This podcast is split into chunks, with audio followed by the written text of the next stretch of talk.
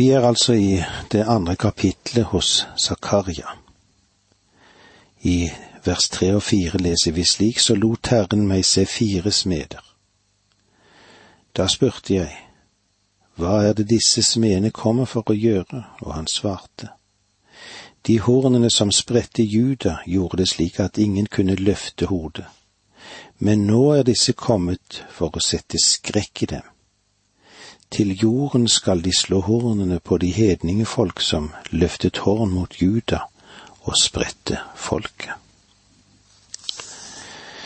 La meg få lov til å peke på de følgende forhold. Det gir oss en fremskutt plass i hver av de ti synene som kan ha, de, ha følgende sannheter. Det første at Gud ikke er ferdig med Israels folke. Og det andre, når Gud sier Israel og Juda og Jerusalem, så mener han nøyaktig dette. Dette dreier seg ikke om andre nasjoner eller riker. Den eneste måten som Gud velger folk på i dag, er i Kristus. Det har ingen betydning på hvem du er det har ingen betydning hvilken farge du har. Det har heller ingen betydning hvilken posisjon du har i livet. Om du er i Kristus, så er du utvalgt, og du er akseptert av den elskede. Uten at vi er i Kristus, betyr det lite hvilken nasjon vi tilhører. Vi søker en stad som Gud er byggmester til og den skal han alene gjøre i stand. Det er det som er vårt håp. Men Gud skal fullbyrde sine løfter til Israel. Han vil være trofast mot dem. Om du kan overbevise meg om at han vil være utro mot israelsfolket, da vet jeg ikke på hvilket grunnlag jeg kan tro at han vil være trofast mot sin menighet. Men Gud er trofast, både mot oss og mot Israel. Vi vil nå se litt på synet med mannen med målesnoren. Da ser vi i vers fem i kapittel to. Så løftet jeg øynene og fikk se en mann som hadde en målsnor i hånden. Så løftet jeg øynene og fikk se. Zakaria ser det med sitt fysiske øye. Han sover ikke. En mann som hadde en målesnor. At denne skikkelsen trer frem, forteller at han er en engel fra Herren. Den før inkarnerte Kristus, den samme som sto frem i det første syn som rytteren på den røde hest. Kanskje du undrer deg på hvorfor jeg sier det at han er Herrens engel, når Zakaria ganske enkelt kaller ham for en mann? Vel, Zakaria presenterer ham som en mann. Ish på hebraisk. I kapittel seks vers tolv vil Zakaria si, Så sier Herren allers Gud, se, det kommer en mann hans navn er Spire. Det er spiren fra David, det er Israels rotskudd, den Herre Jesus Kristus. For nærmere å komme inn på betydningen av målsnor, vil jeg trekke frem noen andre vers som vi finner i Bibelen vår. I Jeremia 31, versene 38 og 39 Dager skal komme, lyder ordet fra Herren, da byen skal bygges opp igjen for Herren. Fra Hananel-tårnet til hjørneporten. Målesnoren skal gå videre rett frem til Garebhaugen, og så bøye av til Goa. Når det anføres at Gud bruker en målesnor, så betyr det ganske enkelt at han gjør seg rede til å gripe inn igjen på vegne av det som han måler. I Jeremias sitt tilfelle måler han Jerusalem. Profeten Esekiel taler også om å måle. Han tok meg med til Israel og satte meg ned på et meget høyt fjell. Der var de sør like som en bygning i en by. Og dit førte han meg.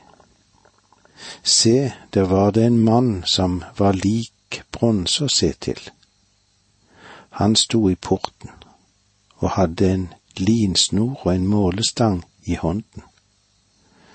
Mannen sa til meg, menneske, bruk øynene og ørene og legg merke til alt det jeg lar deg se. Du er ført hit for at jeg skal vise deg det. Alt det du ser, skal du fortelle til Israels ett. Slik står det altså i Esekiel 40, versene to til fire. Leser vi videre, ser vi at dette er et syn som har å gjøre med bygningen av tempelet under tusenårsriket i Jerusalem. Det er enda en henvisning angående en målesnor. Jeg fikk nå et rør til å måle med. Det var en stav, og det ble sagt til meg.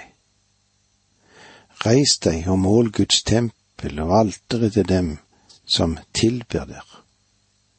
Men forgården utenfor tempelet skal du ikke ta med. Den skal du ikke måle, for den er overlatt til hedningene, og de skal tråkke den hellige by under fot i 42 måneder. Slik står det i Åpenbaringen 11, versene 1 og 2.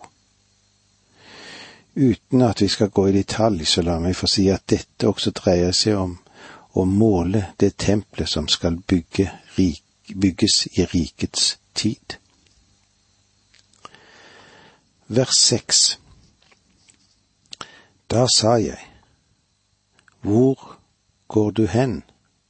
Han svarte, Jeg skal måle opp Jerusalem og se hvor bred og hvor lang byen skal være. Hvor går du hen? Zakaria er interessert og spør. Hvor i all verden drar du med den målesnoren? Jeg skal måle opp Jerusalem og se hvor bred og hvor lang byen skal være.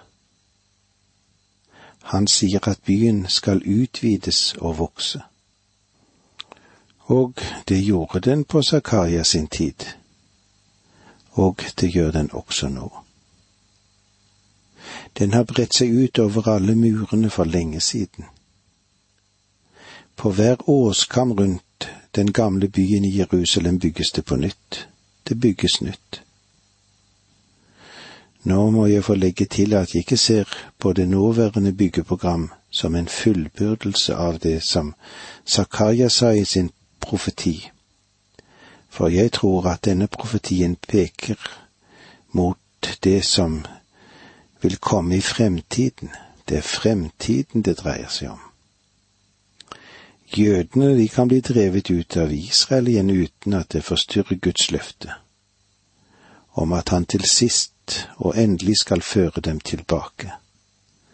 For det er nøyaktig det han har til hensikt å gjøre versene syv og åtte.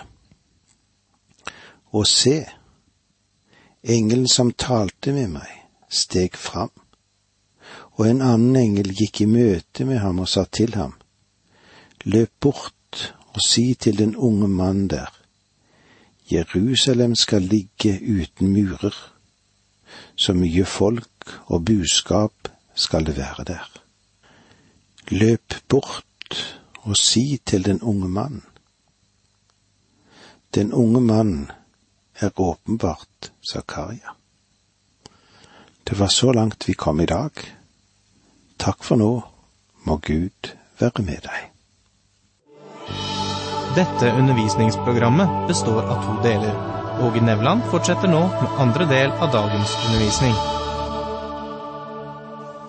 Vi er i profeten Zakaria og eh, vi har stoppet litt opp for synet med mannen som har målsnoren. Så løftet de øynene og fikk se en mann som hadde en målsnor i hånden. Da sa jeg, Hvor går du hen? Han svarte, Jeg skal måle opp Jerusalem og se hvor bred og hvor lang byen skal være. Og se, engelen som talte med meg, steg frem, og en annen engel gikk i møte med ham og sa til ham, Løp bort og si til den unge mannen der, Jerusalem skal ligge uten murer. Så mye folk og buskap skal det være der. Det var antagelig den unge mannen som hette Zakaria. Jerusalem skal ligge uten murer. I våre dager omgir muren bare den gamle delen av Jerusalem. Det meste av Jerusalem ligger utenfor murene, spredt over alle åsene rundt om.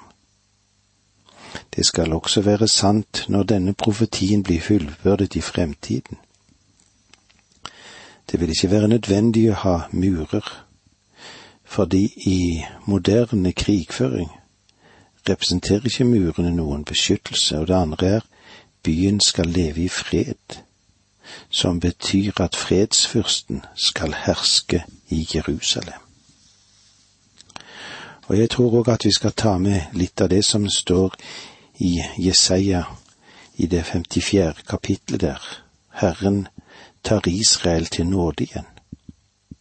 Rop av glede, du ufruktbare, du som ikke fødte. Bryt ut i jubel og fryd deg, du som aldri hadde fødselsvær. Den forlatte kvinne skal få flere barn enn hun som har mann, sier Herren. Gjør plassen større for ditt telt. Spenn ut dine teltduker. Spar ikke på dem. Gjør snorene lange. Slå pluggene fast. For du skal bre deg ut til høyre og til venstre. Din ett skal drive ut folkeslag og bosette seg i byer som lå øde. Vær ikke redd, du blir ikke til skamme. I vers ni her i Zakaria leser vi slik. Selv skal jeg være en ildmur rundt byen, lyder ordet fra Herren, og midt i den vil jeg vise min herlighet. Dette er sannelig ikke sant i våre dager. Hjelpen som de mottar, kommer fra andre steder.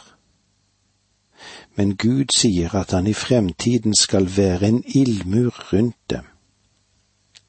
Det betyr at Gud skal være deres beskytter. Og når Gud beskytter dem, vil det være en undernes tid. Det blir underlig. Han vil ikke bare være deres beskytter, men han skal selv være i deres midte.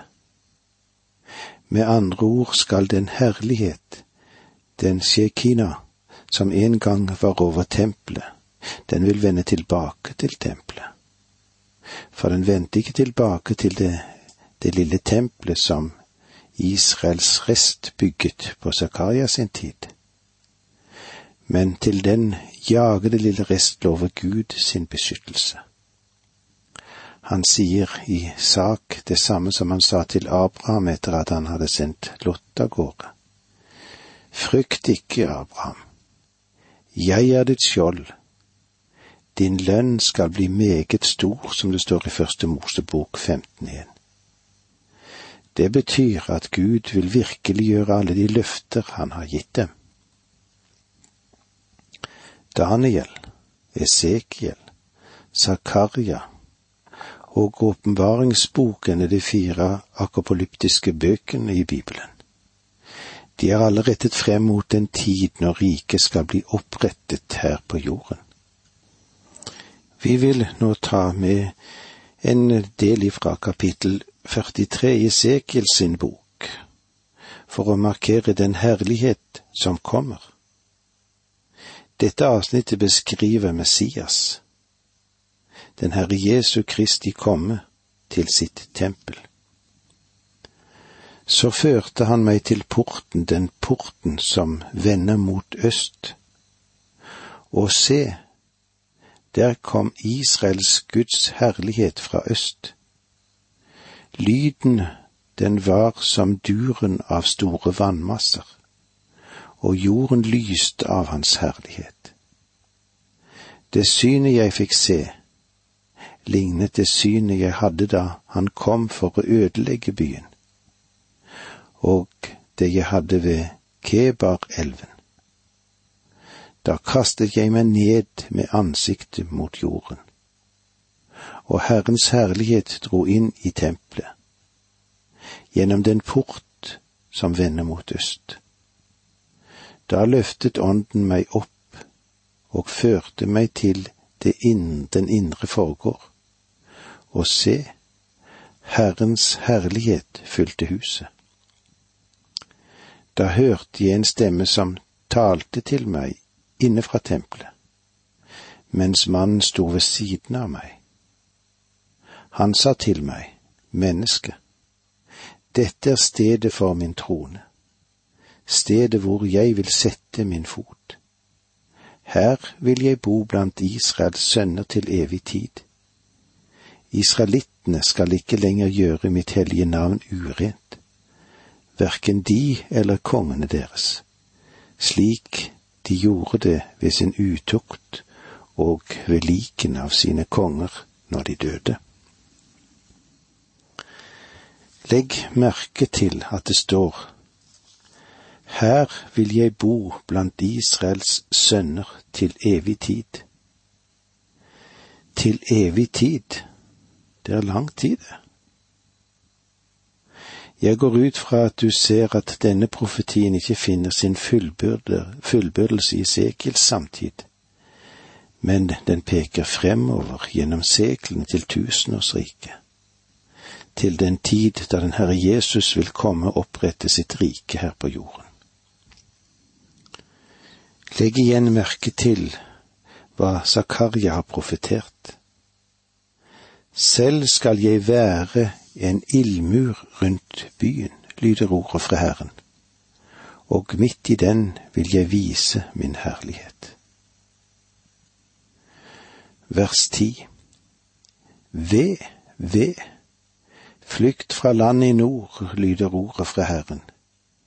Jeg har spredt dere for himmelens fire vinder, lyder ordet fra Herren. Dette doble V-ropet betyr at det er viktig å legge merke til, og så har det en sterk advarsel. Ved, ved, flykt fra land i nord, lyder ordet fra Herren. Jeg har spredt dere for himmelens fire vinder, lyder ordet fra Herren. Flykt fra land i nord.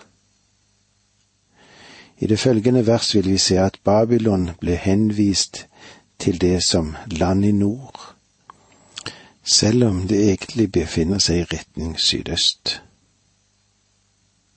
Det ble kalt land i nord fordi krigsherrer og karavaner på vei fra det landet til Jerusalem, de kom langs den ruten som kaltes Den fruktbare halvmåne, og de kom inn i landet fra nord.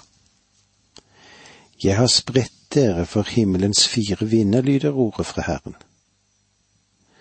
Selv om det historiske Babylon falt to år etter at denne profetien ble gitt, så vil den endelige fullbyrdelse skje de siste dager, da Gud skal samle dem igjen fra deres verdens vide adspredelse. Vers 11 Ved deg, Sion, som bor på Babels datter, berg deg ved flukt. Dette betyr å komme seg ut av Babylon. Hvorfor? Fordi Babylon skulle falle. Gud ville radere det bort. La meg få lov til å vende tilbake til de to synene om hornene og smedene. Det første hornet var Babylon, og nå vil smeden, som representerte Medio-Persia, komme og rive opp Babylon. Men Mediopersia vil bli en større makt, et tårn, og da vil de forfølge Guds folk. Så Gud vil fjerne denne nasjonen fra verdens arena ved å bringe inn en annen smed. Og under en hersker som stiger frem fra det delte riket til Alexander den store, Antikos Epifanes, vil Israel bli ødelagt på en bestialsk måte. Deretter vil Gud oppreise enda en smed Rom, og han vil bøye makten som det greske imperium har. Når det romerske imperium blir en stormakt, hvor er da den smeden som skal knuse det? Historien forteller oss at det store romerske imperium falt fra hverandre, men profetiene forteller at det vil bli ført sammen igjen i de siste dager. Hvem vil da bøye dette riket? Den Herre Jesus kommer fra himmelen. Han er håndverkeren fra Nasaret, og han er også mann med målestaven. Han skal knuse Antikrist og hans kongerike. Deretter vil Kristus opprette sitt eget rike på jorden. Og det er dette bildet som blir gitt oss i disse synene, noe som gjør dem svært viktige og uhyre interessante. Og med disse ordene må vi si takk for nå, må Gud være med deg.